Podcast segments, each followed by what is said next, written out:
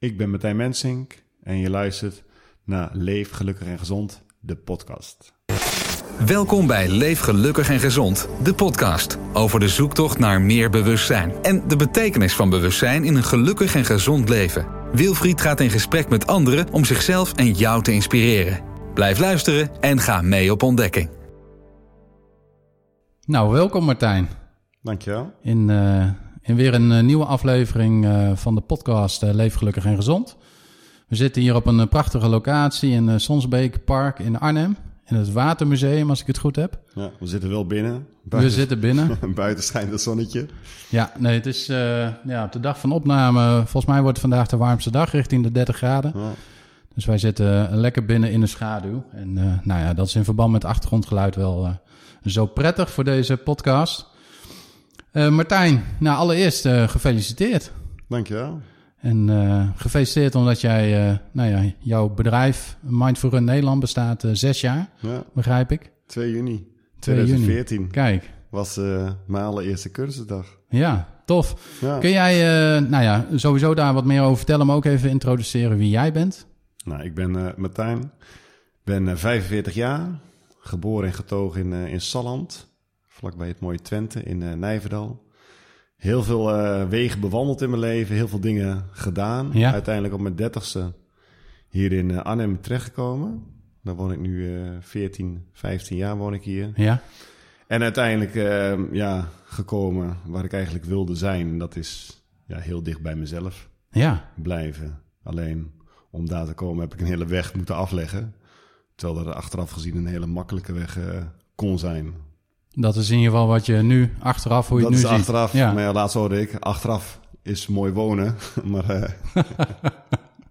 maar? Nee, nee, dat is met achteraf. Ja, weet je, als je dingen achteraf weet, dan... Uh, zo moeilijk is het allemaal niet. Alleen ja. dat is precies waar het over gaat. In het denken wordt het vaak iets moeilijker gemaakt dan wat het in werkelijkheid uh, is. Ja, nou daar gaan we het zo meteen zeker nog even over hebben. Um, eigenlijk een eerste vraag die ik, uh, die ik zeg maar altijd stel. En dat is wie is jouw grote voorbeeld? Wie is mijn grote voorbeeld? Nou, ik noem hem wel eens in mijn eigen coaching. Ik heb, uh, het is niet dat ik die man kende. Ik heb in 2011 volgens mij heb ik uh, de Marmot gefietst. En dat is een tocht in Frankrijk. Ga je over de grootste kools van, van Frankrijk. De Galibier, de Alpe d'Huez, de Tourmalet, et cetera. En ik fiets op de Galibier, dat is een klim van 35 kilometer lang. En ik was super goed getraind. Ja. En ik zat op 130 kilometer. We gingen op de weg naar de Alpe d'Huez. En toen fietste mij een man voorbij. Ik denk 65, 70 jaar. Ja. En die fietste mij zo soepeltjes voorbij. En toen had ik zoiets van... hey, hoe kicken is het wel niet... dat je 70 bent... en dat je dan nog eigenlijk zo gigantisch fit bent... In plaats van wat ik dacht van, hé, hey, mijn hoogtepunt moet zeg maar op mijn 30ste, op mijn 35ste liggen. Ja. En dat was achteraf gezien ja, wel een beetje mijn voorbeeld van, hé, hey, waar ik het eigenlijk voor doe, ja. is gewoon, ik hoop dat ik straks als ik 70 ben, mocht dat halen, dat ik dan nog steeds, of misschien nog fitter ben dan wat ik nu ben. Ja, en, en hoe, hoe oud was je toen, uh, toen die man jou uh, zo voorbij kwam? Nou ja, ik, de, dat was ik, uh, straks zijn, 36 of zo in die buurt. maar gewoon goed getraind, echt goed getraind. Knetterfit, goed op gewicht. En maar toch, die man die fietste mij ja. gewoon voorbij met eigenlijk met twee vingers in de neus. En toen zit ik om me heen te kijken en hoe kan dat dan? Dus het kan gewoon zijn, en dat zie ik ook wel vaker bij mensen die op oudere leeftijd eigenlijk nog gewoon heel, heel fit en uh, gezond en vitaal zijn. Ja. En dat was voor mij wel een, een mooi voorbeeld. En heb jij je, je leven nu ook zo ingericht dat je dat uh, ja, ja, kan zeker, straks als zeker. je 70 bent? Nou ja, ik, ik ben er wel keihard op een leuke manier, op een gezonde manier daar uh, mee bezig. En dat is wat ik uh, niet meer aan het doen ben, is keihard aan het weglopen. Ik ben niet zozeer PR's aan het najagen, naar mijn ademhaling is onder controle. Ik leef gezond, uh, ja. ik drink nauwelijks alcohol, uh, leef sober, bespaar mijn energie, doe echt wat ik leuk vind. Ik heb heel veel passie voor de, voor de dingen wat ik nu op dit moment doe. En wat dus zijn de, de dingen die jij, die ja, jij leuk buiten, vindt? buiten bewegen, omgaan met mensen, passie over het spirituele bewustzijn van mensen om dat te ontwikkelen dat is waar ik uh, momenteel keihard mee bezig ben. En als je dat uh, zeg maar even op jezelf betrekt, hoe doe je dat? Hoe organiseer jij dat? Of hoe nou, train je dat? Eigenlijk hoofdzakelijk omtrent de ademhaling. Want die piekengedachten, die, eh, die zijn er nog steeds. Die onzekere gedachten, die zijn er altijd. Het uh, ikje van dat het niet kan, zijn er nog steeds. Maar eigenlijk dat soort punten, ja, haal ik weg door terug te gaan naar mijn ademhaling. Eigenlijk heel simpel. En wat, hoe kun je dat concreet iets meer toelichten van hoe dat dan werkt? Nou, wat ik voorheen zeg maar deed, als ik mij verloor zelf in mijn, in mijn gedachten. Ja. Um, vooral met, met slechte dagen denk je vaak negatief. En uh, op dat soort momenten verzonk ik, verdiepte ik me eigenlijk helemaal in die gedachten. En werd het zeg maar helemaal een waarheid. En dat was niet de algemene waarheid, maar het werd steeds meer mijn waarheid. Ja. En uh, sinds ik eigenlijk met mindfulness onder andere in contact ben gekomen met ademhalingstherapie, heb ik gemerkt als ik mij de focus verleg van mijn gedachten richting mijn ademhaling. Ja. En wat gebeurt er dan in je brein? Dan wordt je brein zeg maar een beetje met rust gelaten. En daardoor krijg je eigenlijk steeds meer ja, de ontspanning waar ik eigenlijk op zoek naar was. Dus dan ga je niet meer zozeer de gedachten waarin je gelooft. Ja, die geloof je niet, want gedachten zijn puur gedachten. Die komen en die, ge- en die gaan. Mhm. Maar hoe haal je een gedachte weg? En dat was mij voorheen geleerd van, ja, dan moet je er niet meer aan denken. Ja. Dus ja, en dat is wat het namelijk het tegenovergestelde gebeurt. Als jij ergens niet meer aan gaat denken, wat ga je dan doen? Het roze olifantje. Ja, ik, Heb, uh, ik heb 18 jaar lang heb ik, uh, gerookt. En uh, ik heb heel vaak geprobeerd om te stoppen met roken. En wat denkt een roker? Ja, ik mag niet meer roken. Ik mag niet meer roken. En wat ga je dan doen? Dan ga je heel druk zijn, heel bezig zijn met alles. Maar je wil proberen zo min mogelijk aan het roken te denken. Nou, wat gebeurt er dan als je de hele dag niet aan het roken mag denken? Ja, wat ga je dan doen s'avonds? Ja, en je ja. hebt een biertje op. Ja, dan denk je dan nog ja, eentje. Daar ga je. En dat is zeg maar een hele strijd wat, jij, uh, wat je kunt voeren in jezelf. Is dat ook wat jij uh, zeg maar, in je leven eerder gedaan hebt? Het voeren van een strijd? Ja. Wat kun je, kun je, kun je ons iets meer meenemen in uh, Martijn, die uh, nou ja, vanaf een jaar of uh, 18, weet ik veel? Ja, eigenlijk was het van tot mijn 17e, 18e, was eigenlijk niet heel veel aan de hand. Weet je, gewoon, ik was wel een beetje, beetje onzeker. Ik had mm -hmm. jeugdbuisjes. Toen ik klein was, stotterde ik. Vooral als ik dan onder spanning stond, ja. moest, ik, moest ik stotteren. En als ik dan ontspannen was, viel het wel mee. En ik heb spraaklessen gehad en dat soort dingetjes uh, vroeger als klein jongetje. Maar nooit echt aandacht uh, gegeven. Alleen vanaf mijn 17e, 18e ben ik uh, gaan roken, ben ik gaan blowen. En ben ik leren bier drinken. En eigenlijk vanaf dat moment merkte ik eigenlijk steeds meer als ik dan wat in mijn lichaam had. Ja. Kreeg ik wel iets meer zelfvertrouwen. Vooral als je een beetje dronken bent, een beetje Ja. aangeschoten Ja. bent, weet je. Dan, dan voel je je toch een beetje anders. Of je rookt een dikke blow erachteraan ja, dan geef je toch wel een bepaalde zoom zeg maar, aan je leven. Alleen Wat is dat dan echt een zelfvertrouwen? Of is het meer dat je zeg maar, die Nou, je voelt je prettige gevoelens niet meer zo eh, ervaart? Ja, nou, je- je, voelt je eigenlijk gewoon een beetje ja, gewoon lekker. Gewoon, Ja. gewoon lekker in balans. Je hebt een vreedkick en eh, je maakt je niet zo druk om andere zaken. Je komt een beetje in het moment zelf eh, te zijn. Alleen het probleem is, omdat jij jezelf zo fijn voelde, zeg maar op die zaterdag. Nou, wat gebeurde er dan op de zondag? Ja, dan voelde ik me eigenlijk dubbel zo slecht. Ja, En zo voel je zeg maar steeds meer een eh, strijd. Maar als je jong bent, dan, ja, weet je, dan, dan blow je op een vrijdag een keertje of op een zaterdag een keer. En je gaat eh, uit op een vrijdag of op een zaterdag. Alleen naarmate je ouder wordt, ja, je gaat op jezelf wonen. Wat ging ik dan doen? Ja, dan ging je nog meer gebruiken. Ja. Want je kreeg eigenlijk steeds meer vrijheid. En zo word je een beetje van dat zekere jongetje, het, het normale jongetje, word je toch wel een beetje onzeker eh, wordt je gemaakt. En niet door de buitenwereld, eigenlijk alleen maar door jezelf. Omdat je zelf achteraf gezien steeds slechter ging voelen. Mhm. En omdat ik mijzelf steeds slechter ging voelen, mijn lichaam was steeds vaker aan het herstellen. Ja. Met die slechte gevoelens hoorden ook vaak negatieve gedachten. Alleen toen had ik nog niet het onderscheid kunnen maken tussen negatieve gevoelens en negatieve gedachten. Ik dacht gewoon negatief en that's it. En langzaam kom je daar zeg maar steeds meer in aanraking mee. En wat je dan doet, tenminste in mijn situatie, is eigenlijk dat je steeds meer ging gebruiken. ja. Zo zat ik op een duur, ging ik iedere dag ging blowen. Ja. Iedere dag nou, een sixpackje bier, dat, eh, dat, Ja. dat slikte ik eventjes En je weg. wilde eigenlijk als het ware steeds weer dat fijne gevoel. Ja, dat Ja. is niet zozeer dat je daar bewust mee bezig bent. Je, je, je, je- ja, voor het weet zit je er middenin. Ja, Weet je, dat is wel... Ik zie het nog steeds ook met de, met de jonge mensen. Toevallig fiets ik gisteren langs Deventer. En als ik zie wat daar werd gebruikt... gewoon op, op een mooie tweede Pinksterdag op een Ja. maandag... qua alcohol, qua, qua blowen, qua... Ik denk van, maar waarom doe je dat zo? Maar dat is, dat is niet bewust. Dat is, je hebt vrienden, het is gezellig, het is mooi weer... en het is tweede Pinksterdag of het is Hemelvaartsdag. Ja, iedereen doet het, dus je doet het automatisch, ga je erin mee. Hmm. Alleen het probleem is, ieder biertje dat je drinkt, ja, je hebt wel een lichaam, dat moet allemaal wel verwerkt worden. ja. Alleen dat sta je niet bij stil. Want de volgende ochtend word je wakker. Heb je een kater, heb je Ja. koppijn. Nou, en als je dan iets ouder wordt, dan ga je niet meer herstellen. Wat ga je dan s'avonds doen? Dan ga je wederom weer een Ja. biertje drinken, omdat je jezelf slecht voelt. Ik wil zeggen, want er zijn toch wel, zeg maar, de, bij uitstek de middelen die, eh, als je het hebt over, eh, zeg maar, negatieve gevoelens of negatieve gedachten. Het zijn ook wel bij uitstek middelen die gebruikt worden om daar dus even van weg te blijven.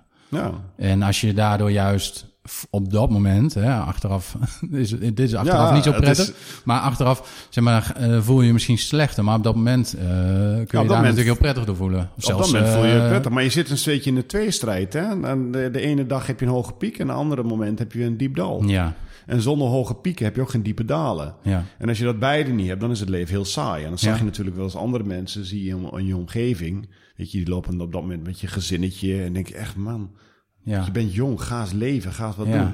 Maar achteraf gezien is het weer van, ja, weet je, wees gewoon sober. Hoe, eh, hè, want dat is dan een periode geweest van, eh, nou ja, blowen, drinken, Nou, roken, wat, wat, wat ongezonde leven, als we dat zo mogen betitelen. ja, Hoe, hoe, hoe lang heb je dat tot volgehouden? mijn Of- 32e. Tot mijn 32e tot mijn 33e, eigenlijk vanaf mijn 18e. En ik wil echt niet als wereldverbeterer optreden, maar ik zie nog steeds heel veel jongeren eh, wie dat doen. En dat vind ik ook fantastisch, weet je. Als mijn zoon het later gaat doen, dan heb ik zoiets van, moet je lekker gaan doen. Alleen, En lekker je gaan moet wel doen omdat? weten... Ja, Maar- nou, weet je, als je, dat, als je gaat studeren, je, je moet ook een beetje van het leven genieten, et cetera. Als dat überhaupt genieten is, maar je moet gewoon even doen wat je wil doen. Alleen, dan moet je een paar jaar doen. Weet je, als je 25 bent, 26 bent, moet je weer de volgende stap gaan zetten en niet blijven hangen. En dat is wat ik namelijk zelf wel heb gedaan. Godzijdank dat ik er wel ben vanaf gekomen. Maar dat zijn andere mensen die op dit moment nog steeds in die wereld zitten. Die zijn nog steeds dat kleine jongetje van 18 van vroeger. Ja, Weet je, en dat is ook een hele grote groep mensen wat eigenlijk dat heeft gedaan van hun 18e tot hun 22e, 23e. Ze hebben een vriendin gekregen, zijn gaan samenwonen, gaan kindjes eigenlijk de normale stappen. Wat eigenlijk ja, eh, ja fijner is dan, eh, dan jezelf verliezen Ja. In, die, in die omgang. en wat, wat maakte dat jij daar niet, eh, niet, niet na een paar jaar zeg maar, uit kon stappen? Ja, dat is gewoon de situatie. Het is nogmaals, het is niet bewust. Je zit met een bepaalde vriendengroep, ga je om. En je neemt niet zo afstand van een, eh, van een vriendengroep. Dus je blijft, je blijft een beetje hangen in een bepaalde situatie. Hetzelfde als jij eh, voor een werkgever hebt gekozen toen je 18 was. Je ging zeg maar van school en je gaat ergens werken. Dat zie je ook wel eens. Dan zijn mensen 12 jaar, 13 jaar, 14 jaar later zijn ze nog steeds bij dezelfde werkgever. Ja. Terwijl dat Ja. eigenlijk, je bent net van je school klaar, je bent net van je studie klaar, dan ga je even werken. En sommige mensen maken dus echt, en dat was ik ook van hun tussenstation, ja, dat wordt dan je paleisje, Maar- dat wordt dan ja. je veilige haven. Bijna En dan je is het-. Ja, en dan is het gewoon best wel lastig om daaruit te komen. En ik heb daar echt een hele strijd over moeten voeren. En niemand die je echt ja, daarbij gaat helpen. Het is ook niet zo dat ik hulp heb gevraagd aan mensen. Want ja, jezelf zeg maar zien als een verslaafde, ja, dat ga je echt niet doen. Ja, Weet je, want ik was niet verslaafd op dat moment. Dat was ik wel, maar van mezelf viel het allemaal wel mee. Maar dan ga je dus niet naar de psycholoog, je gaat niet naar een coach. Ja, wat ga je dan doen? Wie helpt je uit de sores? En als je dan probeert om te gaan stoppen met roken of met blowen of met alcohol drinken, je zit in zo'n omgeving waarin iedereen dat gewoon doet. Hoe reageerde jouw omgeving daar dan op? In de zin van eh Nou, of eh, familie? Of... Heel, familie, ik was echt een, zeg maar een stille gebruiker. Dus heel veel mensen, eh, familieleden, wisten het gewoon niet. Mhm. De voetbal waar ik op zat, het werk, heel veel mensen wisten het niet. Alleen ik had een bepaalde groep mensen om me heen verzameld, Ja, waarin dat maximaal gebeurde. ja, En dat voelde in de kant ook wel fijn, want het waren wel je vrienden, zeg maar. ja. Want ik kan me ook voorstellen dat het wel heel erg een, ja, eigenlijk een dubbel leven is. Ja, je, leidt twee, ja. je hebt echt twee gezichten. Ik, had, eh, ik voetbalde op hoog niveau op een eh, zaterdag, want conditioneel was ik op dat moment, zeg maar om 24e, 25e, zat ik in het eerste elftal. Zaterdag eh, tweede klas eh, voetbalden wij. En ik, ik, ik voetbalde nog wel, maar ik ging na die tijd ging naar huis in. En Ja. ik moest zo snel mogelijk na de training moest ik naar huis. Eigenlijk om gewoon in mijn eigen kokonnetje Jeetje. eh, te gaan zitten. Ja. En voor mij was het, het weekend begon ik altijd pas zaterdagmiddag om kwart over vier. Want toen was de wedstrijd zeg maar afgelopen. Dus ik leefde eigenlijk best wel veel onder spanning. ja, En Ja. omdat ik zoveel spanning eh, ervaarde, moest ik dus ook ontspannen. En voor mij was ontspanning dus eigenlijk gewoon gebruiken. Dat Ja. was voor mij ontspanning. jeetje. Ja. Heftig. En, Ja, en heb je daarnaast eh, zeg maar wel gewoon gestudeerd en gewerkt? of wat heb Nee, je- ik ben eigenlijk al eh, vrij snel van mijn school afgegaan. Ik heb de MEO heb ik gedaan. tweede klas MEO ben ik blijven zitten. Toen was ik twintig volgens mij. En toen ben ik, eh, ben ik gaan werken. En toen ben ik bij mijn vakantiewerk, ik was productiemedewerker bij de Polymei in Nijverdal. Ik vergeet het nooit weer. En daar heb ik eigenlijk, uh, um, ja, de eerste twee, drie jaar heb ik gewoon productiewerk. Zat Ja. ik in drie ploegen, heb ik er gezeten. En ja, dan verdien je dus lekker veel geld. Maar wat doe je met dat geld? Ja. Ja, Daar kun je, wel, kun je eh, lekker dingen doen. eh. Dat wist jij wel te gebruiken. Ja. Letterlijk en figuurlijk, ja. Dus zo bedoel ik ook. Dus zo heb je eigenlijk Ja. een hele zoektocht heb je eigenlijk gedaan. En zo ben ik vanuit, eh, vanuit de Polymei ben ik weer bij een ander bedrijf komen te werken. Ben ik weer, ben ik in de bouw. Ben ik zelfs nog terechtgekomen. Ja. Dan- Ik ben alles behalve bouwvakker. Weet je, ik heb echt twee, twee linkerhanden. Maar ik heb wel drie maanden heb ik in de bouw gezeten. Verschrikkelijk, dat zal ik nooit weer doen. En ik heb in het leger gezeten. Ik denk, ik was 25, ik woonde samen. Ik denk, ja, ik moet toch wat doen met mijn leven. Allemaal wat actievere beroepen. In ieder geval. eh, Ja, want ik, ik- in mijn hoofd was ik zeg maar wel nog steeds een sportieve jongen. Weet je, vanuit de Ja. basis ben ik een hele energieke jongen. Alleen door middel van het gebruiken is mijn energie weggehebt. En ik, ik had weinig energie, maar in mijn hoofd was ik zeg maar nog steeds een hele energieke jongen. ja. Maar toen deed ik, eh, toen zat ik in het leger en ik heb het drie maanden volgehouden. Ik vond het verschrikkelijk. ja.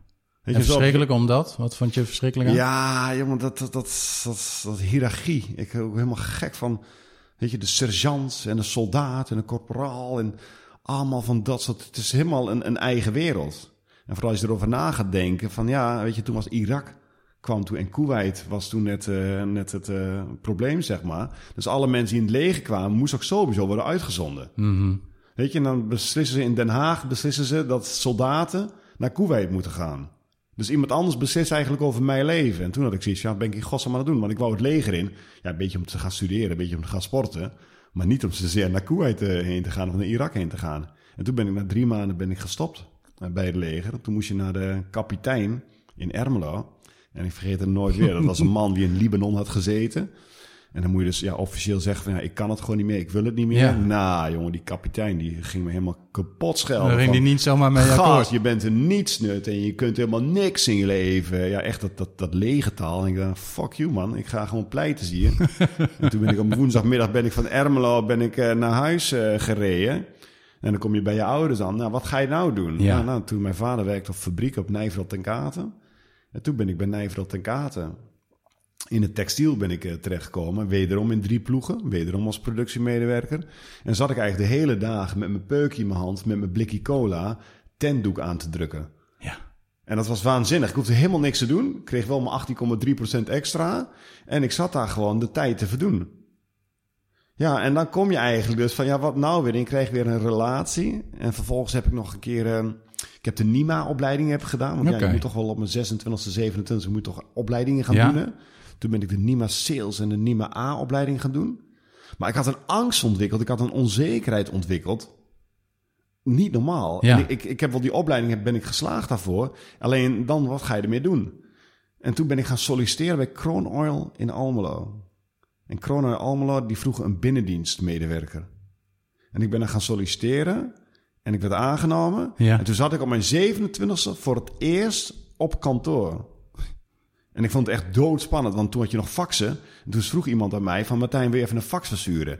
Nou, en ik werd zo zenuwachtig. Hoe werkt het een fax? En toen, ik vergeet het ook nooit weer. Dat weten dat- sommige luisteraars nu ook niet meer. Nee, maar dat was wel heel apart als je dan terugkijkt. En ik had dan ook de verkoop binnendienst. Alleen, ja, hoe pak je een telefoon op? En dan ging de telefoon en de andere verkoop binnendienstmedewerkers waren in gesprek. En dan stopte ik vaak een, een broodje in mijn mond, want we hadden ook een receptionist, om maar niet die telefoon te krijgen. Ik vond het echt zo verschrikkelijk spannend, joh. Dat is echt waanzin als je Ja. kijkt hoe makkelijk het nou allemaal gaat.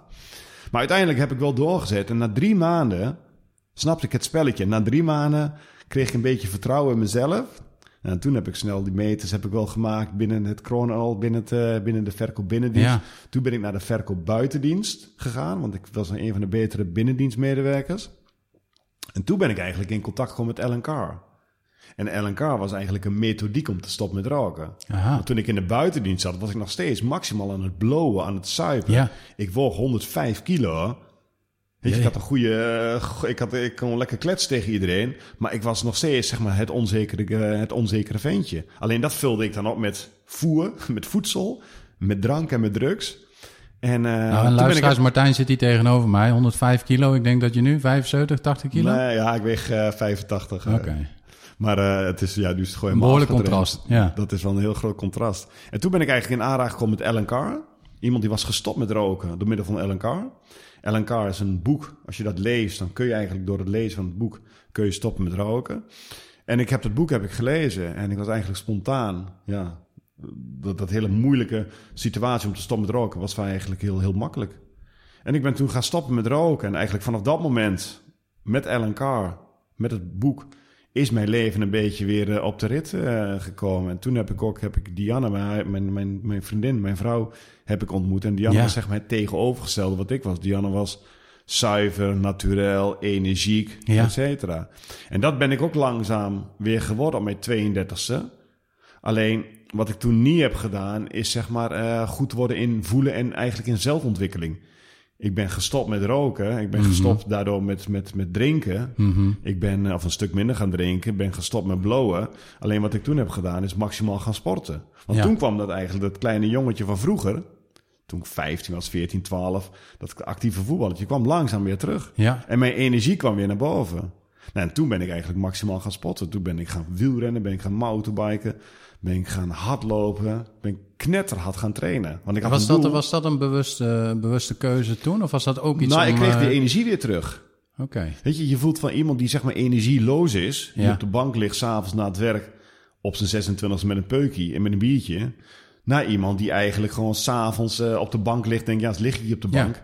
En eh, ja, ik ga wat doen. En toen ben ik eigenlijk langzaam, dus mijn energie heb ik weer teruggevonden en ben ik maximaal gaan sporten. En eigenlijk weer, wat gebeurde op dat moment, van de ene verslaving, de drank, drugs, et cetera, ben ik eigenlijk in de sportverslaving terechtgekomen. Prestatiedruk. Ja, endorfine. Och man, en vooral in het begin is dat heerlijk. Want als jij je zeg maar rot voelt en je voelt je niet lekker en je stapt op de fiets of je gaat een stukje hardlopen, Ja. nou dan kom je dus in contact ook met je lichaam en dan Ja. voel je de endorfine. En dat ben ik maximaal gaan doen. Ik zat op een duur, zat ik eh denk nou 15 uur in de week. Ik was de hele week aan het fietsen en de hele week aan het hardlopen. Jeetje. En als ik dan op zondagavond niet mijn kilometers had gehad, ik moest van mezelf dan 200 kilometer fietsen en 50 kilometer hardlopen in de week. En als ik dat niet haalde op zondagavond en ik had zeg maar 43 kilometer gelopen, dan ging ik nog eventjes de, de hardloopschoenen aantrekken Ja. om aan de slag te gaan. En Dus Diana zei wel eens, je bent knetter, knettergek. Maar ja, weet je, het was mijn waarheid geworden, totdat ik op een duur echt overtraind was. En dat was in 2012. Ik zat met mijn werk niet goed. Ik zat eigenlijk met de relatie zat ik niet goed. Ik zat nergens goed mee, behalve met sporten. Ja. Daar zat Ja. ik wel goed mee, want dat was eigenlijk mijn vlucht. Ja. En wederom, ja, ik ben niet gek. Ik ben niet verslaafd, et cetera. Maar ik zoek wel hulp. En toen zei iemand tegen mij van... Martijn, je moet NLP, neurolinguistisch programmeren. Ja. En dat was in 2012. En toen heb ik een opleiding, dus NLP heb ik gedaan. Een zevendaagse opleiding. En vanaf dat moment ben ik ook in contact gekomen met mijn gevoel. Waarom NLP? Wat, wat wilde je met NLP eh, bewerkstelligen? De ene gaat naar de psycholoog, de andere gaat naar een, eh, naar een eh, coach. Ja, en ik ging toevallig naar NLP. Het was wel mooi in een groepsverband. Het was zeven dagen achter elkaar. Het was een opleiding in zelfontwikkeling. Ik hoorde goede verhalen ervan. En ik zat eigenlijk een beetje van ja, in zak en as. Denk ja, ik moet toch wat gaan doen, want anders Ja. gaat het helemaal fout. En daar ben ik zeven dagen ben ik, naar Robin Stevens in, in Nijkerk geweest. En na zeven dagen kwam voor mij het inzicht van ja, het allerbelangrijkste ben ik gewoon vergeten te doen. En dat is gewoon voelen. Want toen kwam ik erachter dat je met gevoelens, negatieve gevoelens, die kun je omdraaien tot positieve gevoelens. Eigenlijk kwam ik gewoon in contact met mijn gevoel. Ja. En dat is wat ik eigenlijk al al die jaren daarvoor nooit had bij stilgestaan. Ja. En ik had achteraf gezien mijn gevoelens gewoon liepen te onderdrukken. Ja. En toen kwam voor mij het inzicht. Ik reed zondagavond naar huis. En ik zei tegen Diana van... Als je alles durft te voelen... Als je echt alles durft te voelen... Dan ben je vrij. Ja. En Diana had echt zoiets van... Mooi. Gast, wat heb je het allemaal Wat is er over, joh?" gebeurd? Weet je, maar het, het waren allemaal inzichten voor mij. Het, het, Ja. het viel alles een beetje ja, in elkaar. En hoe toepasselijk is het dan? Hè? Dat je dan naar huis in gaat en je gaat daarmee aan de slag. En op dat moment werkte Diana... Die werkte voor LNK. Zij verkocht trainingen bij bedrijven, LNK-trainingen. Ja. En ze Hebben jullie elkaar daar mij- leren kennen? Of? Nee, eigenlijk daarvoor. Maar dat was, ja, dingen vallen zo in elkaar. Ja. En toen zei ze wel eens tegen mij, Martijn, als je alles durft te voelen, dan kun je best wel solliciteren naar de functie als LNK-trainer. Jij bent gestopt met roken door middel van LNK. Jij hebt de opluchting waar LNK over praat, heb je gevoeld. Alleen, ik had een angst ontwikkeld om voor groepen te gaan staan. Hmm. En die angst die ik ontwikkeld had, die heb ik zelf ontwikkeld, want ik had nog nooit voor een groep gestaan. Dus hoe kun je nou iets bang zijn voor iets wat je nog nooit hebt gedaan? Ja, psychisch bang. Ja. Alleen als je durft te voelen, laat me zien. En zo heb ik van mezelf gezegd, nou Martijn, laat me zien. Want je kunt heel veel dingen begrijpen, maar je moet ook dingen gaan doen. En toen ben ik gaan solliciteren voor LNK. En ik Dus daar waar je eerder zeg maar, de methodiek zelf gebruikt hebt om van je roken, je verslaving af te komen, ben je later zeg maar, daar als trainer, coach Ja. ook aan de slag gegaan. En toen ben ik in 2013 ben ik aan de slag gegaan. En toen zei mijn baas bij LNK, Martijn, je wordt opgeleid door iemand die het vak al 14 jaar doet. Zij is al 14 jaar LNK-trainer. Alleen, zij is wel zo'n geitenwolle sokken type. Weet je, en ik kom uit Twente. En geitenwolle sokken types, daar hou ik niks met. dat is... Wat zijn voor jou grijze wollen sokken? Grijs, dat zijn van die spirituele mensen, weet je, met die Jezus-sandalen, met wierook, met Osho en dat soort gasten Ja. allemaal die bomen zitten knuffelen. En kom op zeg, word, word wakker. Alleen, achteraf gezien, ik begreep ze gewoon niet. Vandaarom hakt er ook niks mee. Maar toen ben ik naar Nijmegen heen gegaan, Jacqueline van der Bos. En zij heeft eh, mij het vak eh, van LNK heeft zij, eh, geleerd. En in het begin ging het niet over LNK. In het begin ging het alleen maar over het hogere bewustzijn. En vanaf dat moment ja, zat ik eigenlijk helemaal in de wereld van het spirituele wezen. Zonder sandalen. Ja, zonder sandalen. En ik heb daar hele mooie, ook wederom eigenlijk inzichten gehad. En ik ben 21 maart 2013 ben ik, eh, heb ik zo'n wake-up call gehad. Zo'n zo'n fuck it moment. eh. Live event. Nou, het is meer, het was zo'n moment dat je eigenlijk beseft dat alles, eh gedachten zijn gedachten, alles is energie, alles komt, alles gaat, niks is blijvend. We leven in een dualistische wereld, terwijl we eigenlijk zijn we alleen maar bewustzijn. En eh, dat inzicht ben ik, eh, ja, heb ik ontvangen vanuit het hogere bewustzijn, hoe je het ook noemen Hoe wil. ging dat? Wat, wat, wat, wat, wat, wat- Nou, ik was bezig voor met een moment? studie voor LNK. Ik was dus eigenlijk met, met het boek aan het leren voor, voor de LNK-opleiding. Ja. Ik moest dan zes uur lang ehm, eh, een, een training geven. En dat was ik aan het leren. En het was 21 maart 2013, de dag van de lente. En het was om twee uur 's middags. En daarmee is fuck, fuck. En eh, ja, he- het kwartje viel. Het kwartje viel. Het, het is, mijn hele lichaam begon te shaken. Mijn hele lichaam begon te beven. En ik denk, fuck, het, het is echt allemaal energie. Wij zijn energie, een- laptop is energie, alles is gewoon energie. Alleen wij hebben gedachten en daardoor denken wij dat wij het zelf zijn. Daarom Ja. denk ik dat ik Martijn ben. Ja. Maar Martijn is alleen maar bewustzijn. En het Martijn, het ikje, dat hebben ze gegeven, maar dat is niet wat ik ben. Weet je, een boom is maximaal energie. Een boom leeft net zo hard dan wat wij doen. Alleen een boom heeft geen hersens en dat is het verschil. Nou, en toen ben ik naar beneden gegaan en Diana was met haar moeder aan het telefoneren. En ik zei van Diana, fuck, fuck, fuck, fuck, fuck. en zij had echt zoiets van, oh, je bent echt helemaal crazy aan het worden. Ja. Hè? Weet je, dat is precies waar ze een beetje bang voor was. Dan, wat ben je in godsnaam aan het doen? Ja. zeg, het, het is echt waar, de energie. Je zei, jij wist En, het. en, zij- zag het ja, en, ik had, en toen heb ik mijn coach heb ik opgebeld. Zeg, ik heb hem, ik ben wakker. Ik ben wakker, Maar wat wakker heeft jou uit deze getriggerd? Weet- Heeft, heb je, ben je be- bewust getriggerd of weet je wat jouw trigger was? Dat, het- dat het kwartje viel? Nou ja, het is vanuit het niets. Het is puur het zou mooi zijn als ook, zeg maar, hè, eh, het kwartje, dat het kwartje valt. Ja. Ja. er zijn meer mensen, eh, nog meer mensen op zoek naar dat het kwartje valt. Ja. Maar wat kunnen Nee, ze het dan is doen? mij, het is, het is, eh, sommige mensen zijn 20 jaar, 30 jaar lang op zoek om wakker te worden. Terwijl iedereen is eigenlijk al, al wakker, maar het is, het is inzicht. Het is, het is inzicht. Ik heb ook wel eens gehoord van iemand die zei van... ja, misschien zit je, ben je wel zo naar op zoek... zit je er zo bovenop dat je het niet ziet. Maar je bent het wel. Ja, Iedereen is wakker.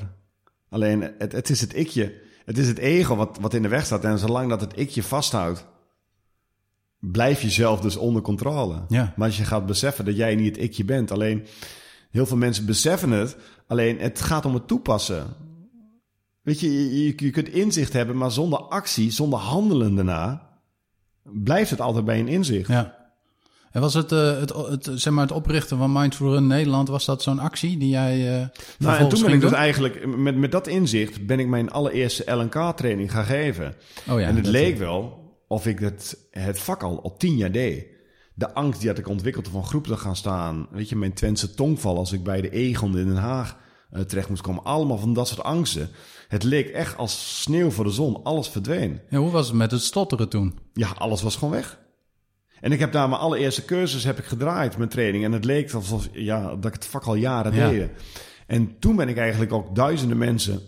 heb, ik een, heb ik een schop onder de kont gegeven om te stoppen met roken. Ja. En met dat inzicht ben ik dus eigenlijk de LNK-training, de Mindful Run training gaan ontwikkelen. Ah. Want ik had zoiets je kunt het gaan doen met mensen die gaan stoppen met roken. Maar het is vele malen interessanter om mensen die niet roken, om die ook te bereiken. Ja. En van daaruit eigenlijk de Mindful Run cursus in 2014. Ja. 2 En juni 2014. Vandaag eh, zes jaar. en vandaag, zes jaar geleden. En als je kijkt wat er afgelopen jaren is gebeurd, het is echt waar. Het is niet normaal. Ja. En het is allemaal vanzelf gegaan. Ik heb er helemaal niks voor gedaan. Ja. Het ikje heeft daar niks voor gedaan. Heel bijzonder. Jij haalde al even bewustzijn aan. Eh, Jij noemde het zelfs hoger bewus- bewustzijn. Wat is, wat is bewustzijn voor jou? Bewustzijn is eh, vooral het zijn. Het durven te zijn. In het bewustzijn komt geluk, komt verdriet, komt pijn, komt stress. In het bewustzijn komt zeg maar alles voor. Maar dat is niet wat je bent. Je kunt ieder moment kun je weer terugkeren naar het zijn. En wat ik zelf altijd probeer is zoveel mogelijk bewust te zijn. En dat zijn, dat is sober, Sober. neutraal, Neutraal. balans, hoe je het ook noemen wil. Dus als je sober leeft of ne- neutraal, is neutraal dan, gaat dat niet over het hebben of ervaren van emoties dan? Is dat... Emoties ervaar je, emoties Ja. heb je, maar je bent ze niet. Ja. En dat houdt eigenlijk in dat ik nog steeds alles ervaar. Ik ervaar veel meer als daarvoor. Alleen het allergrootste verschil, ik blijf er niet in hangen. Dus ik heb nog steeds verdriet. Ik heb nog steeds geluk. Alleen ik blijf niet in die situaties hangen. Ja. Weet je, ik kon vroeger kon ik wel drie dagen heel gelukkig zijn. Maar ik kon ook wel eens vier dagen boos zijn. Ja. Ik kon wel eens twee dagen ongelukkig zijn. Dat ik gewoon slecht in mijn vel zat. Ja. Alleen sinds ik hiermee in aanraking ben gekomen, heb ik dat nog steeds hetzelfde. Alleen ik heb wel eens dat ik heel erg gelukkig ben vanuit het niets. Maar vijf minuten later ben ik eigenlijk gewoon weer normaal. Ja. Ik heb nog steeds dat ik wel eens problemen heb met iemand. Weet je, dat ik boos ben op Ja. iemand. Maar het is niet dat ik daarna twee dagen of een dag lang op iemand boos Ja. ben. Weet je, ik kan vrij snel schakelen. Het is niet meer dat ik blijf hangen in een bepaalde situatie. En het gaat over eerlijke emoties. Dus niet zozeer alleen maar positieve emoties, Alles, maar ook negatieve. alles, alles. Dus we betitelen ze als positief en negatief. En daarmee druk je ze eigenlijk al in een hokje. Ja. Maar het gaat over het hebben van eerlijke emoties. En dat kan verdriet, Het gaat- boosheid ja. zijn. Kan ook geluk, gevoel, geluksgevoel zijn. Ja, en dat is ook wel grappig, hè? want als je daaroverheen gaat, van wat is dan een geluksgevoel hè? en wat is een, een negatief gevoel? Weet je, gevoel is eigenlijk gewoon gevoel. Het is puur dat wij geluk daaraan hebben gekoppeld. Ja, Maar het bestaat niet dat je negatieve gevoelens hebt. Je, je denkt negatief. Maar een gevoel kan niet negatief zijn. Een gevoel kan niet positief zijn. Een gevoel is een kan gevoel. eerlijk. Een eerlijk gevoel. Ja, maar wat is dan, eh, weet je, omschrijf ze een eerlijk gevoel. Het is, je denkt eerlijk. Het is hetzelfde van, ik, ik was eh, in 2012 waren wij in Nieuw-Zeeland. En ik miste het kerstgevoel. We waren in december, waren wij in Nieuw-Zeeland. En in december is het dan eh, zomer in Nieuw-Zeeland. Ja. En ik vond het best wel jammer dat ik het kerstgevoel Ja. miste. Ja, En toen zette iemand zet een kerstliedje op. En ik zag een kerstboom staan. En weet je wat er gebeurde in mijn lichaam? Het kerstgevoel kwam naar boven. Maar een gevoel Zelfs kan niet kerst zomer. zijn. Het is, Ja. eh, je, je denkt aan kerst. Het Sinterklaasgevoel. Je, je denkt aan Sin- Sinterklaas. Een gelukkig gevoel. Je denkt gelukkig. Het is, het is het denken. Het Ja. denken wat constant in de weg staat. Maar gevoelens zijn gewoon gevoelens. ja. Het is puur energie. Mhm. En energie in beweging. En als je dat durft te voelen en je accepteert het. Ja, vanuit de mindfulness zegt men dan, heb je die 90 seconden regel. Als je echt welke gevoelens je ook hebt, en vooral laten we zeggen de negatieve gevoelens, zoals jij die bestempelt bij wijze van spreken, en je wilt die gewoon voelen, je voelt ze, dan zijn ze binnen 90 seconden, zijn ze gewoon weg. Ze komen en gaan. Ja, maar dat is precies wat de meeste mensen doen. Die willen het niet voelen. En omdat je het niet wil voelen, ga je het onderdrukken. En komt het eigenlijk continu komt het terug. Maar wat maakt dan dat jij eerder wel eens twee dagen boos kon zijn en nu niet meer? Ego. Wat doe je nu dan anders? Ten eerste het vaker teruggaan naar mijn ademhaling. Ja, En eigenlijk ook het onderscheid maken tussen mijn hoofd en tussen mijn lichaam. Ja. Weet je, voorheen dacht ik altijd, ja, ik ben gewoon Martijn, ik heb een hoofd en ik heb een lichaam, dat is zeg maar één. Alleen wat ik nu heel vaak zie van, hey, denk ik nu negatief? Of is het mijn gevoel dat in mijn weg staat? Nou, en als je dat al kunt een onderscheid maken, waar heb ik nu last van? Is het mijn gevoel of is het mijn hoofd? Nou, dan merk je al vaak dat 50% van het probleem wordt opgelost. En waar ik zelf dus heel vaak last van had, is bijvoorbeeld als ik veel zooi in mijn lichaam had, dan had ik dus een slecht gevoel. Ja. En omdat mijn lichaam aan het herstellen was. Maar waar had ik gekoppeld aan dat slechte gevoel? Daar had ik ook altijd negatieve gedachten aan gekoppeld. Dus daardoor had ik het probleem, maakte ik eigenlijk alleen maar nog zwaarder dan wat het is. En vanaf nu kan ik dus zeggen van mezelf, want ik heb er nog steeds, als ik heel veel heb getraind, dan voel ik mij soms echt depressief. Maar dat is niet omdat ik depressief denk, dan zit ik met een gevoel wat gewoon best wel zwaar is. En dat is puur omdat mijn lichaam aan het herstellen Ja, is. Herstel. Ja. Maar daardoor ga ik niet meer negatief denken. Weet je, ik maak onderscheid tussen hoofd en lichaam. Ja. En dat heb ik ook eigenlijk ook weer vanuit Ellen Carr hebben we dat geleerd. Want als een roker gaat stoppen met roken, dat is op zich niet moeilijk. Weet je, na drie dagen is die nicotine is eigenlijk al uit het lichaam. Ja. En wat ze kunnen doen, hè, mensen die bij LNK de opleidingen hebben gedaan of de cursus hebben gedaan, die mogen bijvoorbeeld na 24 uur mogen ze al bellen om te kijken hoe het gaat. Nou, wat heel veel mensen namelijk doen, die bellen na drie dagen, dan bellen ze ons en een soort van SOS-noodlijn. En dan is de allereerste vraag altijd wat een LNK-trainer vertelt, waar heb je last van? Is het van je hoofd of is het van je lichaam? Wat zit er in de weg? En wat iedereen zegt, verstandelijk snap ik het allemaal wel. Verstandelijk begrijp ik helemaal dat roken niet goed is, et cetera. Alleen, het is mijn gevoel. En dat is hetzelfde. Weet je, als ik moe ben, wie is de moe? Is mijn hoofd moe? Omdat ik de hele dag achter de laptop heb gezeten? Of is mijn lichaam moe? Kijk, als ik straat te maken ben, dan kan ik me voorstellen dat je s'avonds moe bent. Je lichaam is moe, omdat je de hele dag in de weer bent geweest. Dan zou je nog best wel een opleiding kunnen doen als je wat anders wil gaan Ja. doen. Ja. Maar wat ik dus heel vaak had, ik was dus eigenlijk in mijn hoofd van dat constant nadenken, nadenken, was ik moe. Maar mijn lichaam was niet moe. Nee. Bent mentaal vermoeid, maar niet het is, zozeer het is fysiek. onderscheid tussen hoofd en Ja. lichaam. En als je dat al doet, dan heb je 50% van het probleem heb je opgelost. En dan merk je dat er veel meer energie is dan wat je ooit had bedacht. Ja, en jij noemde terug naar je ademhaling. Kun, kun je dat iets concretiseren? Hoe Nou, kun je dat doen? Het is eigenlijk vanaf mijn 17e, toen ik hier nog niet mee bezig was, maar toen liep mijn leven gewoon, ja, zoals normaal, zeg maar, bij heel veel mensen wellicht dat loopt. En ik heb, eh, vanaf dat moment begon mijn zoektocht. En twee belangrijke dingen ben ik eigenlijk vergeten te doen in mijn zoektocht. En dat is ademhalen en voelen. Nou, met NLP ben ik erachter gekomen van, hé, hey, oei, Ja, voelen. En vervolgens ben ik met Buteco in, in aanraking gekomen. En dat was eigenlijk de ademhalingsmethode. en Buteco, dat is... Buteco, dat is eh, een, een methode. Een Constantijn Buteco, een, een professor uit eh, Rusland, die heeft laten zien dat wij in deze westerse wereld eigenlijk eh, te veel uitademen. En daardoor te veel koolstofdioxide verliezen. En eigenlijk ook te veel door onze mond in en uitademen. Nou, en als iemand door een mond in en uitademt, was ik het wel. Ten eerste met al dat roken wat ik heb gedaan. En daarna ben ik maximaal gaan sporten. Ja. Het was voor mij eigenlijk gewoon ademhalen. Hoe, maakt niet uit, als ik maar adem had. En voor de rest gewoon keihard voor wegrennen. En vanaf het moment dat ik met Buteco in aanraking ben gekomen... merkte ik eigenlijk dat ik dus in mijn onderbewuste... een maximale mondademhaler was geworden. En wa- en wat is daar niet goed aan, aan de mondademhaling? Nou, je verliest echt te veel koolstofdioxide. En wat ik ook net vertelde, als je onderscheid maakt tussen lichaam en hoofd, als je via de mond ademhaalt, dan zegt je lichaam eigenlijk: ik maak stresshormoon aan. Mensen die ontspannen zijn, halen eigenlijk altijd adem door je neus. En als ik gewoon met mijn nuchtere verstand kijk, waar is jouw neus voor gemaakt? Als ik aan jou zal vragen, Wilfried, waar is je neus voor gemaakt? Zeg je dan om te eten of zeg je dan om te ademen of twijfel je?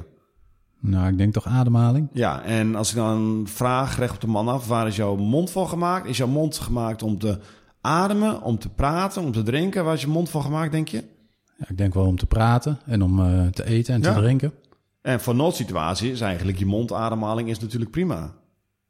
Maar Ja. je mondademhaling zorgt dus eigenlijk dat je lichaam constant denkt dat je in een soort van noodsituatie komt. Ja. Dus ik was eigenlijk in mijn hoofd was ik heel vaak bezig met ontspanning om te gaan lopen en om te gaan rennen, om te gaan fietsen. Maar mijn lichaam gaf constant een soort van stressvolle reactie. En vanaf het moment dus dat ik met Buteco, met de ademhaling in aanraking ben gekomen, ben ik eigenlijk uitsluitend door mijn neus gaan in- en uitademen. Behalve als ik honger had, trok ik mijn mond open. Behalve als ik dorst had, trok ik mijn mond open.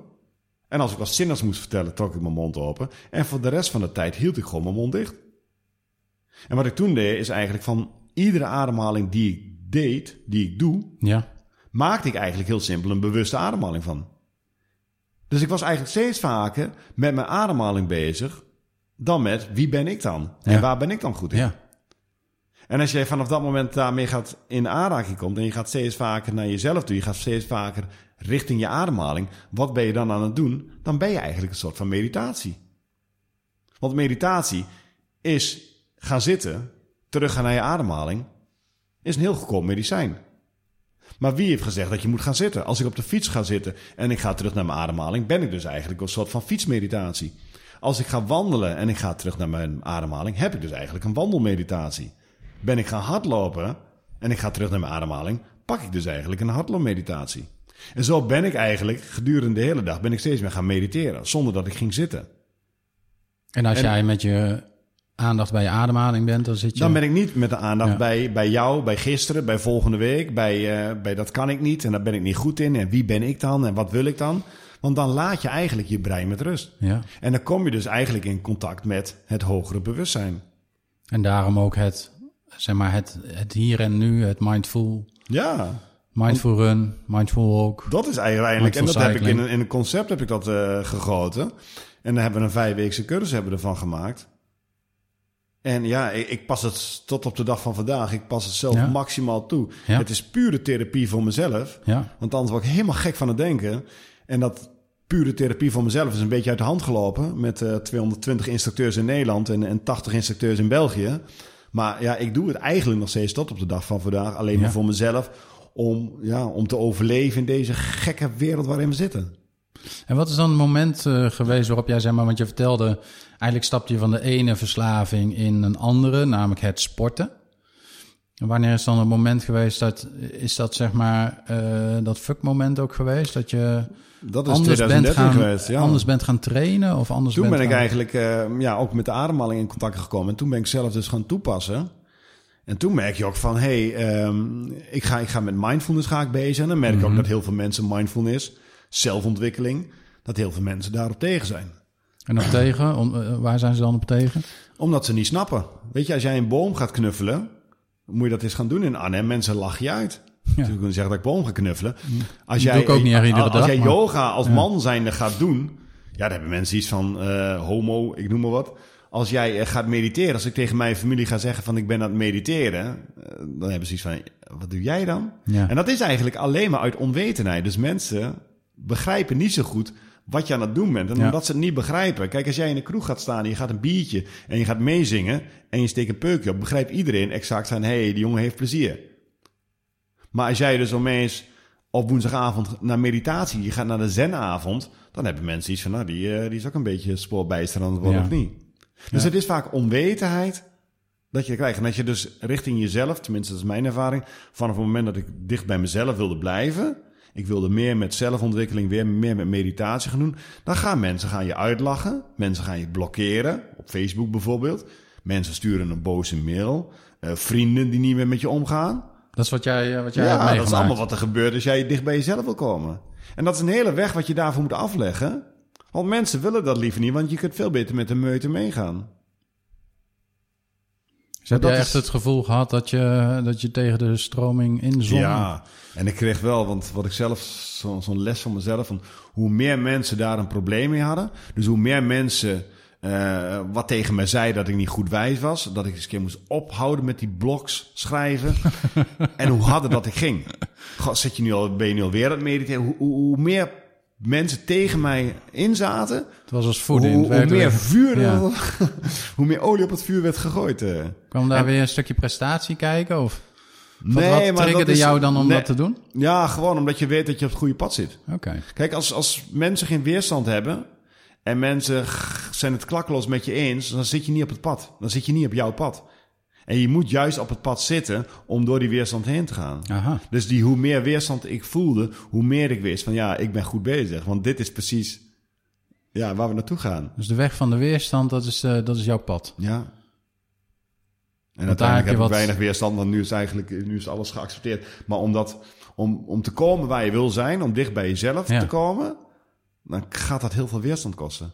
Want mensen moeten eraan wennen dat je zo bent. Weet Ja. je, kijk naar je vaste werk, kijk naar je vrienden, kijk naar je familie, kijk naar je eigen partner. Ja, Het, het kost heel wat weerstand. En vaak, dat soort weerstand, krijg je vaak negatieve gevoelens van. En wat ga je met die negatieve gevoelens doen? Dan ga je dus ook vaak negatief denken. En raak je eigenlijk steeds meer het vertrouwen in jezelf, raak je steeds meer kwijt. ja. En het risico kan me voorstellen dat je ernaar gaat handelen. Dus dat je denkt van ja, iedereen is erop tegen, niemand vindt het wat, Ja. mensen lachen me uit. Ja. Ik ga maar weer, eh, keer Ja. maar om en ik zwem maar weer met Of- de stroom mee. Of ik ga weer een opleiding doen, of ik ga dit maar weer doen. En uiteindelijk, je weet, je weet al lang wat goed voor je is. Alleen ga er maar doorheen. La- laat het maar zien. Dus die weerstand is wel nodig om op je pad te komen. Wanneer weet je dat je er bent? Of wanneer wist jij dat je er was? Wat is dan het moment waarop je denkt van ja, weet je dit... Want die weerstand zul je nu 21 niet... maart, 21 maart 2013. Fuck it moment. Dat was, eh, Dat was ja. mijn moment. En toen had ik echt zoiets van, fuck it. Ik zei tegen mensen op dat moment wel eens tegen, tegen mensen van... eh, game over, new game. Ik had allemaal van die, van die codewoorden in mezelf. Game over, new game. Weet je, ging ik naar iemand toe en die ja, game over, new game. Nu ben ik aan zet. Ik ben aan zet. En mensen zaten me aan te kijken. Gast, jongen, je bent helemaal uh, kierenwiet. Ik kan me wel bij voorstellen, toch? Maar het was helemaal... Ja, ik, tuurlijk kan me het wel voorstellen. Ja. Maar het was... Weet je, ik ben zo Ja, graag dat geloven in iemand anders. Ik, ik geloofde eigenlijk nooit meer in mezelf. Ik geloofde in, in, in vrienden, in, in werkgevers. Ik geloofde in het journaal. Ik geloofde in de krant. Ik geloofde in het hele systeem. Ja. Ik geloofde iedereen, maar ik geloofde één persoon niet. En dat is de allerbelangrijkste. En dat is mezelf. Ja, En vanaf dat moment dus game over, new Ja, game. ja. Toen had ik zoiets van... Ik ga niet meer in jullie geloven. Jullie gaan maar in mij geloven. En als je niet in mij gaat geloven, ik vind het prima. Maar ik geloof wel in mezelf. ja, En dat hele geloven in jezelf, dat wordt je namelijk nergens geleerd. Want vanuit huis krijg je mee. Tenminste, ik ben gelovig opgevoed. Ik ben eigenlijk vanaf het moment dat ik een beetje bewustzijn kreeg, ben ik gaan geloven in onze lieve Heere God en in onze lieve Heere Jezus. Dus in plaats van in Martijn Mensik te gaan geloven, ben ik in de Heere God gaan geloven. En als ik dan niet in de Heere God later meer geloofde, ben ik gaan geloven in iemand die zeg maar heel veel opleiding heeft gedaan. Ben ik in artsen gaan geloven, ben ik in psychologen gaan geloven, ben ik op mensen die het journaal voorlezen ben ik gaan geloven, ben ik zelfs de krant, die geloof ik er vroeger ook. ja. Weet je, en zo verschuif je dus constant je aandacht en let je eigenlijk nooit op jezelf. Mhm. Maar als jij 100% in jezelf gaat geloven, moet je eens kijken wat er gaat gebeuren. ja. Maar dat punt, om daar te komen, dat was voor mij 21 maart 2013. Dat was een moment Ja. van, en nu ben ik aan zet. En Ja. nu geloof ik helemaal in mezelf. En dat kun je zeggen, en dat zie ik met heel veel mensen. Weet je, dat zie ik met een Emil Raterband en dat soort gasten. Weet je, van die positieve goeroes, van die chakka-goeroes. Heel veel mensen doen dat. Maar er hoeft maar één lullige opmerking van- bij iemand te komen. Er hoeft maar één iemand te zeggen van... eh, Wilfried, wat, wat een podcast zeg. Mijn god, wat, wat, wat slaat het op? Wat een gezeur. En wat gebeurt er op dat moment in jouw hoofd? Dan kan het zijn dat je gaat twijfelen aan jezelf. Zie je wel? En dat je vrouw niet achter je staat. En dat andere mensen denken van... En je hebt misschien maar twee likes op deze podcast. Wat gebeurt er dan in je hoofd? Ja, inmiddels ook niet zo heel veel meer. Maar ik, ik, Ja, eh, maar ik snap waar je naartoe wil. Ja. En dat was in het verleden. Is dat ook anders geweest? Ja. Want daar word je wel op afgerekend. Je wordt op cent afgeleverd, je wordt op, eh, op likes word je afgerekend. En je moet gelijk, als je een, een cursus online zet of je gaat wat doen... moet je gelijk tientallen aanmeldingen hebben. Ja.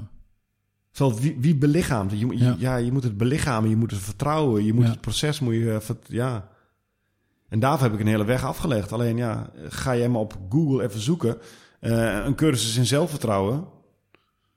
Ja, weet je, en dan geeft iemand de cursus in zelfvertrouwen en dan staat er zeg maar een hele onzekere persoon staat dan voor de groep. Ja. Denk, ja, eh, daar krijg je ook niet echt zelfvertrouwen van. Maar wa- waar leer, waar leer je dan zelfvertrouwen? ja. In een boekje? Ik heb geleerd dat je zelfvertrouwen leer je door middel van te gaan doen. Hoe meer dat je gaat doen, hoe meer fouten dat je gaat maken, hoe meer blunders dat je gaat maken, hoe meer vertrouwen dat je krijgt. Maar ja, dat is niet fijn, want het moet gelijk goed zijn. ja. Het moet gelijk een succes zijn. Dus jij noemde al even zelfontwikkeling is belangrijk. Bewustzijn, ademhaling. Ja, voelen. Wat zou je voelen? Ja. Ja, dat zegt de combinatie. Als je dat durft en kan, en je gaat onderscheid maken tussen gedachtes. Heb ik een piekengedachte? Ik kan het niet, ben ik niet goed genoeg in. Heb ik een neutrale gedachtes? Hè? Je hebt 50.000 verschillende gedachten op een dag. Heb ik een positieve gedachtes? Maar waar komen al die gedachten vandaan? Die komen allemaal uit je onderbewustzijn. Maar dan nog, waar, waar komt het vandaan? Ja. is toch waanzinnig? Jij weet niet wat je over twee minuten denkt. En vooral bij meditatie, ga maar zitten en doe je ogen maar eens dicht. Moet eens kijken wat je in vijf minuten meditatie... Ja. Het is niet normaal wat je in vijf minuten kunt denken. En ook wat je kunt voelen in vijf minuten. En waar gaan wij ons druk mee zijn met hele andere zaken dan Ja. met dat? Terwijl de sleutel ligt in het onderbewustzijn. Maar moet dan iedereen gaan mediteren? Of? Ja, eigenlijk wel. Ik heb beter gaan mediteren met elkaar dan, eh, dan de kroeg je vol laten gieten met alcohol. Ja, dat toch? Ja, dat kan sinds gisteren weer. Maar... Ja, nou, dat hebben we gezien. De, de, de kroegen worden gelijk gesloten. Maar waarom, waarom moet dat altijd gepaard gaan met alcohol? Waarom zijn we niet eens een keer wakker aan het worden? Waarom gaan we niet eh, de- de kerk weer nieuw leven inblazen? En niet zozeer het verhaal van God vertellen, maar waarom gaan we niet steeds meer meditatie als medicijn voorschrijven? In plaats van dat je nu naar de apotheek gaat, je krijgt allemaal verschillende eh, pilletjes en, en, en, en, en weet ik, en, en drankjes. Terwijl het allergoedkoopste medicijn is heel simpel, ga gewoon vaker mediteren. Ja. En ga eigenlijk, nog simpeler gezegd, ga vaker terug naar je ademhaling. En dan liever niet met mondademhaling, maar ga vaker terug naar je neusademhaling. En moet je eens kijken wat er gebeurt. Hmm. En maak daar een bewuste ademhaling van en je leven gaat veranderen. Maar zou daar niet, want jij noemde straks balans. Zou daar dan ook geen balans in kunnen zitten? Dat je en eh, kunt genieten van een biertje in de kroeg. En, Ja, als het Ja, met mijn maat is. ja. Weet je, en, en ik heb zoveel alcohol gehad, ik heb zoveel liters gehad, maar toen ik, toen ik 35 was en ik zat in de kroeg, ik zat nog steeds met vier biertjes in een uur. Waarom? Waarom? Wa- Weet je, ik vind het heerlijk om een biertje te drinken of een, of een glas rosé bij wijze van spreken. Maar waarom moet er zoveel in je lichaam worden gegoten? Ja, en ook dan, weet je, ik snap wat je zegt. En eh, ik denk ook daarin, eigenlijk wat je straks zelf ook zei, van, is, ben ben je bewust van wat je doet? Hè? Oftewel Ja. kun je bewust genieten Ja. van dat rozeetje. Ja, Of zit je eigenlijk gewoon, eh, plat gezegd, te zuipen, ja. omdat je eh, een, een klote dag gehad hebt. ja. En eigenlijk geen zin meer hebt om daar aan te denken. Dus het, wordt het dus een vlucht. Ja, hetzelfde met, met lopen. Weet je, Wa- waarom, waarom loop je zoveel? Waarom fiets je zoveel? Waarom moet het zo hard? Ja, Uh, waarom doe je dat? ja. Is het puur omdat je het leuk vindt? Of is het puur altijd prestatiegericht? Uh, Geniet je nog überhaupt wel van dat hardlooprondje? Weet je, ik heb jarenlang heb ik hier in het park rondgelopen. Ik heb nog nooit een ijsvogel gezien. Ik was alleen maar aan het rennen op schema's. Hard, Ja. hard, hard. Ik moest Nederlands kampioen worden. Maar waarom ben ik begonnen met sporten? Puur vanuit de ontspanning. En dat is ook wat Mind Run tot op de dag van vandaag nog voor mij is. Het is pure ontspanning. Het is mijn therapie. Het maakt mij steeds bewuster van, want het ego zit er nog steeds. Het maakt mij regelmatig bewust van, Martijn, het hoeft niet hard. Het mag ook rustig. Oh ja, ik doe al mindfulness. Ja, is, en daardoor zie ik ijsvogels, ik zie wilde zwijnen, ik zie, ik zie, ik zie dassen, ik zie een bevers, ik zie van alles. Dingen waar ik meer vroeger dan geen had. ja. Maar eigenlijk omdat ik gewoon om me heen kijk, ik heb meer ja, ontspanning. ja. mooi. En dat zorgt voor een balans in mijn lichaam. Dat zorgt ook, om terug te komen bij het begin, dat ik op deze manier leef. Dat de kans vrij hoog is, mocht ik het halen. Maar als ik al 70 ben en ik ben gewoon gezond, ik heb geen kanker en allemaal nare ziektes. Dan is de kans groter dat ik een gezonder leven leid. Ten opzichte dat ik nu nog steeds een sigaretje zou roken. Ik zal maar Ja. aan de elektronische peuk eh, zitten. Ik zal nog steeds heel veel alcohol drinken. Dus de kans is groter dat ik een Ja. gezonder leven leid. En dan ga je, er, ga je er ook een paar eh, voorbij eh, op die berg ja, in Frankrijk. ja, maar hoe mooi is dat? Wat, wat wil jij nog bereiken in je leven? Niks. Niks? Niks. Ik heb ook geen doelen. Ik ben heel doelloos. Ik heb geen, ik heb, ik heb, ja, in het moment zelf, alles waar ik op zoek naar ben, dat, dat is in het moment zelf. Dus, weet je, ik sta open voor alles. En iedere dag gebeurt van alles. Dan krijg ik weer een mail voor, voor een televisieuitzending. Dan krijg ik weer een mail voor een tijdschrift. Dan mail je mij van, hey, zullen we een podcast opleveren? Morgenavond zitten we in een radioprogramma. En ik, ik ontvang alles. En ik heb geen enkel doel. En juist het geen doel hebben, dat is misschien wel ja, een doel. een doel op zich gewoon. gewoon Maar wat is dan... eh, wa- ja, en hoe zou je dat dan omschrijven? Het, het niet hebben van een doel? Of ja, dan dat- ontvankelijk zijn? Of, eh, ja, gewoon open-minded zijn, meer in het moment zijn. Weet je, het, het leven gaat altijd anders dan wat je had gedacht. En ik heb altijd heb ik opleiding gedaan, ik heb altijd doelen nagestreefd, maar het heeft me niks bereikt. Ik heb een halve marathon onder 31 gelopen. Ik heb onder de 17 minuten gelopen, de 5 kilometer. Ik heb allemaal doelen bereikt. Ik heb, ik heb van alles gedaan. Maar ik had het net zo goed niet kunnen doen, want het, het, het maakt mij niet compleet. En eigenlijk vanaf het moment dat ik steeds meer in een moment zelf ben. Ja. Maar ergens, Martijn, heb jij misschien wel het doel, want uh, uh, terugkomen naar jouw voorbeeld, jij wil, jij wil uh, gelukkig, gezond, oud worden. Ja, nou, dat, dat, dat is voor dus mezelf het is, een doel, Maar ja. in die zin, je, je streeft het niet naar. Je bent dan gewoon dagdagelijks mee bezig door Ja. juist de dingen te doen waar je over verteld Ja. hebt. Hoe fijn in het is moment dat? te zijn. Ja, Ja, hoe fijn is het dat je gewoon kunt zeggen. Ik heb het ook eens met eh, zakelijke gesprekken.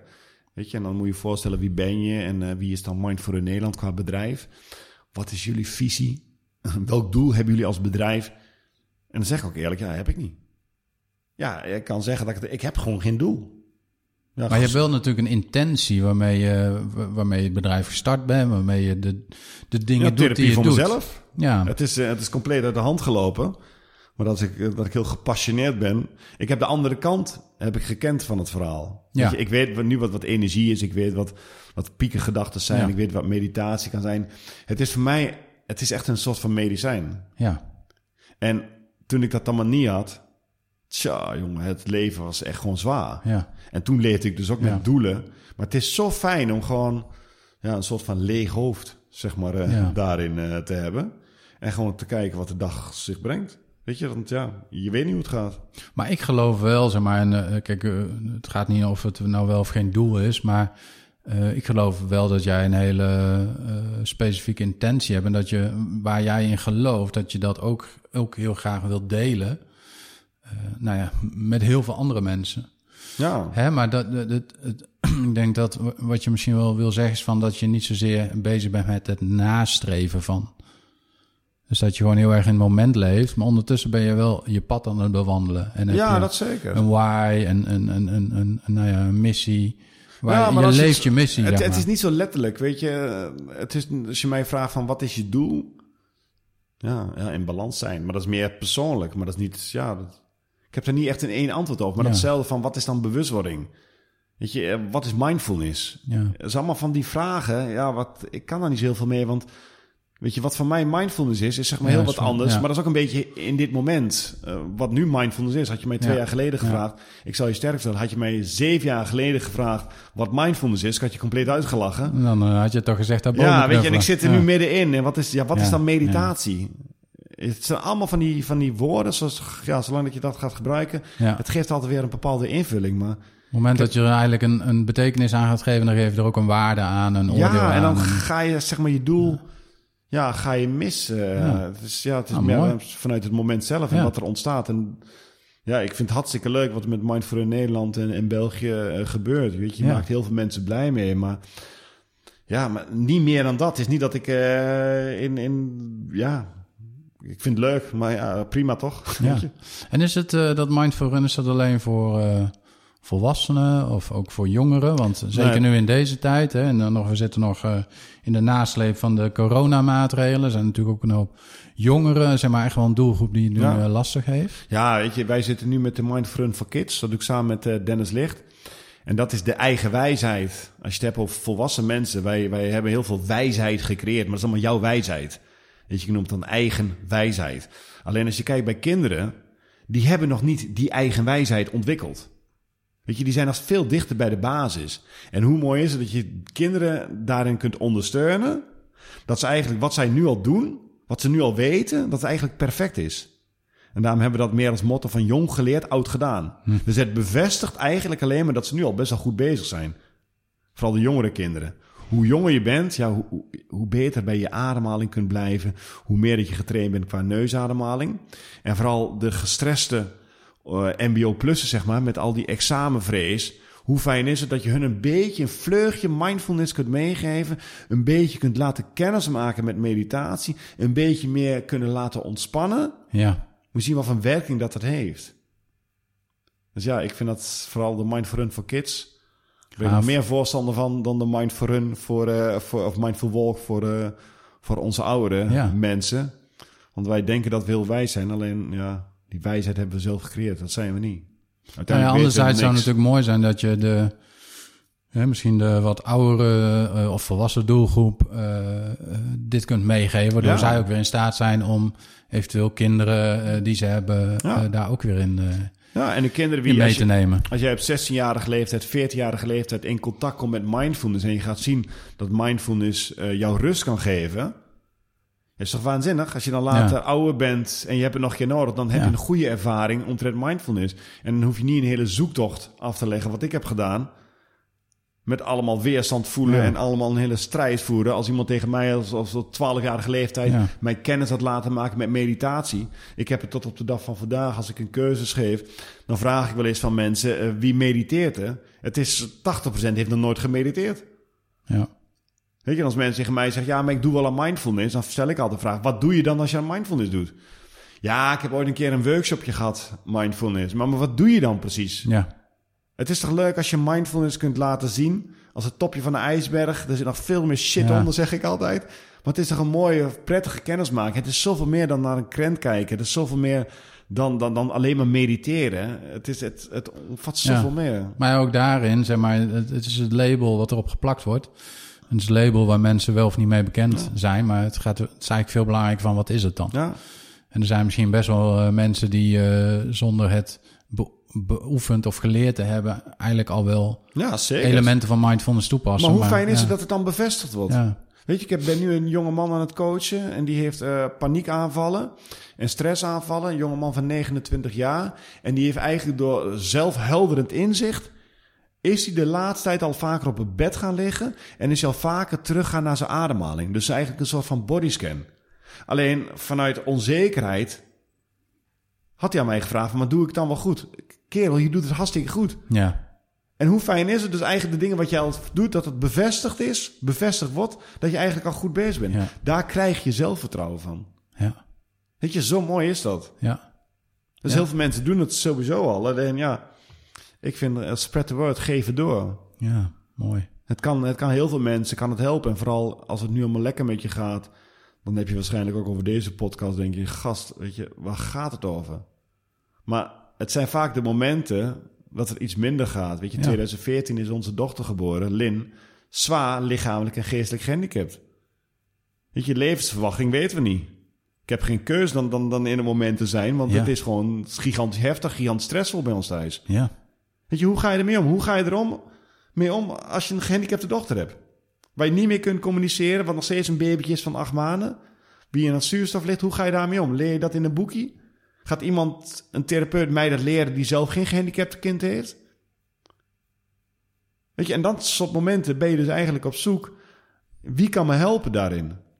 Heb je dat ook gedaan? Of heb je toen eigenlijk al, want het is een beetje ook het moment geweest waarop je, nou ja, de kanteling in jouw leven Nou, ik heb gehad in? Heb dat- 2013 ben ik zeg maar het fuck it moment gehad. En in eh, 4 augustus 2014 is mijn dochter geboren.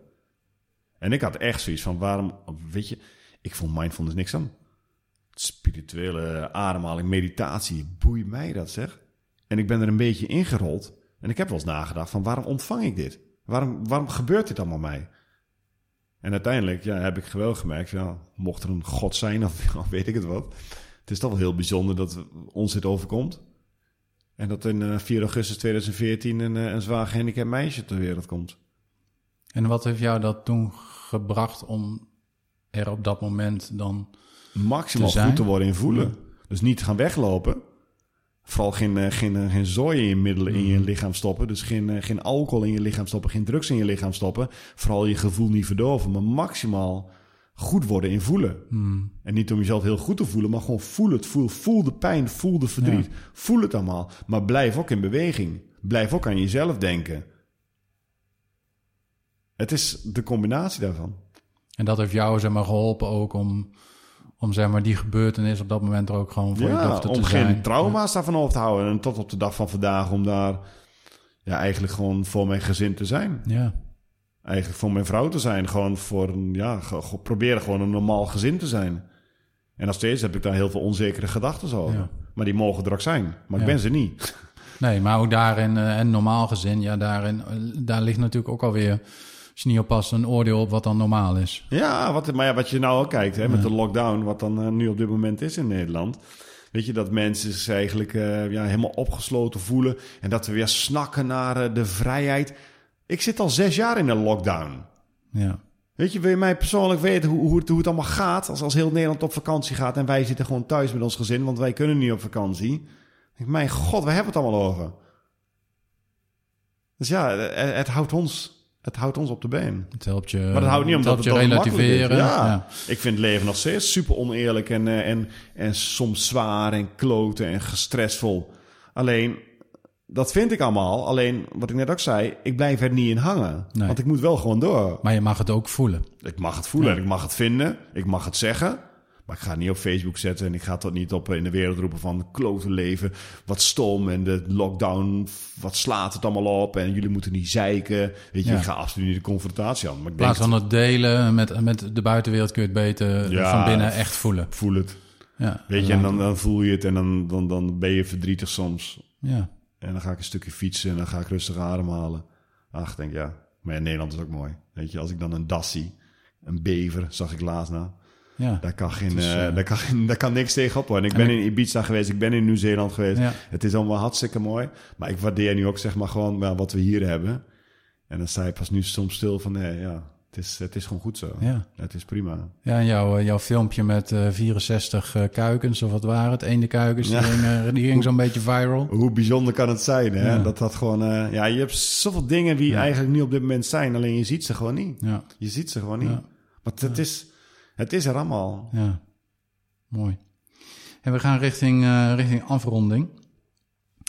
Ehm, ik wil je eigenlijk nog even vragen om eh, een zin af te maken. En eh, die luidt: De wereld zou veel gelukkiger zijn als. Als een beetje op elkaar gaan passen. Een beetje op elkaar gaan letten. En iets vaker terug gaan naar onze ademhaling. De neusademhaling. Bij voorkeur wel. Zo simpel is het. Mooi. Dankjewel.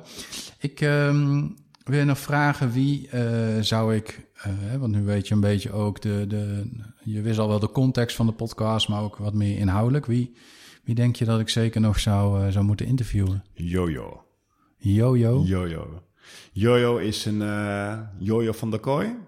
Zij is van het labyrint in Arnhem. Zij is een spiritueel goeroe. Ja? Vrouw van, zou het zijn, 84, 85. Eén keer per jaar ga ik naar satsangs bij haar. Ik heb daar verschillende workshops eh, gevolgd. Zij zit in Klarendal hier. Ja? Waanzinnig vrouwtje. Oké. Zoveel ervaring. En het is echt een spirituele, ja, een spirituele leidster, vind ik het. eh, fijne vrouw. Jojo van der Kooi. Nou, Jojo, eh, bij deze, ik weet niet of je luistert, maar ik ga je zeker even benaderen. hey Martijn, dankjewel voor, eh voor jouw, eh, ja, jouw uitgebreide verhaal, want eh, plat gezegd, lullen kun je wel. Heel mooi, Nu wel, dankjewel. Een eerlijk verhaal ook. Dus eh dankjewel. Graag gedaan. Dit was Leef Gelukkig en Gezond, de podcast. We zijn weer een stap dichter bij meer bewustzijn.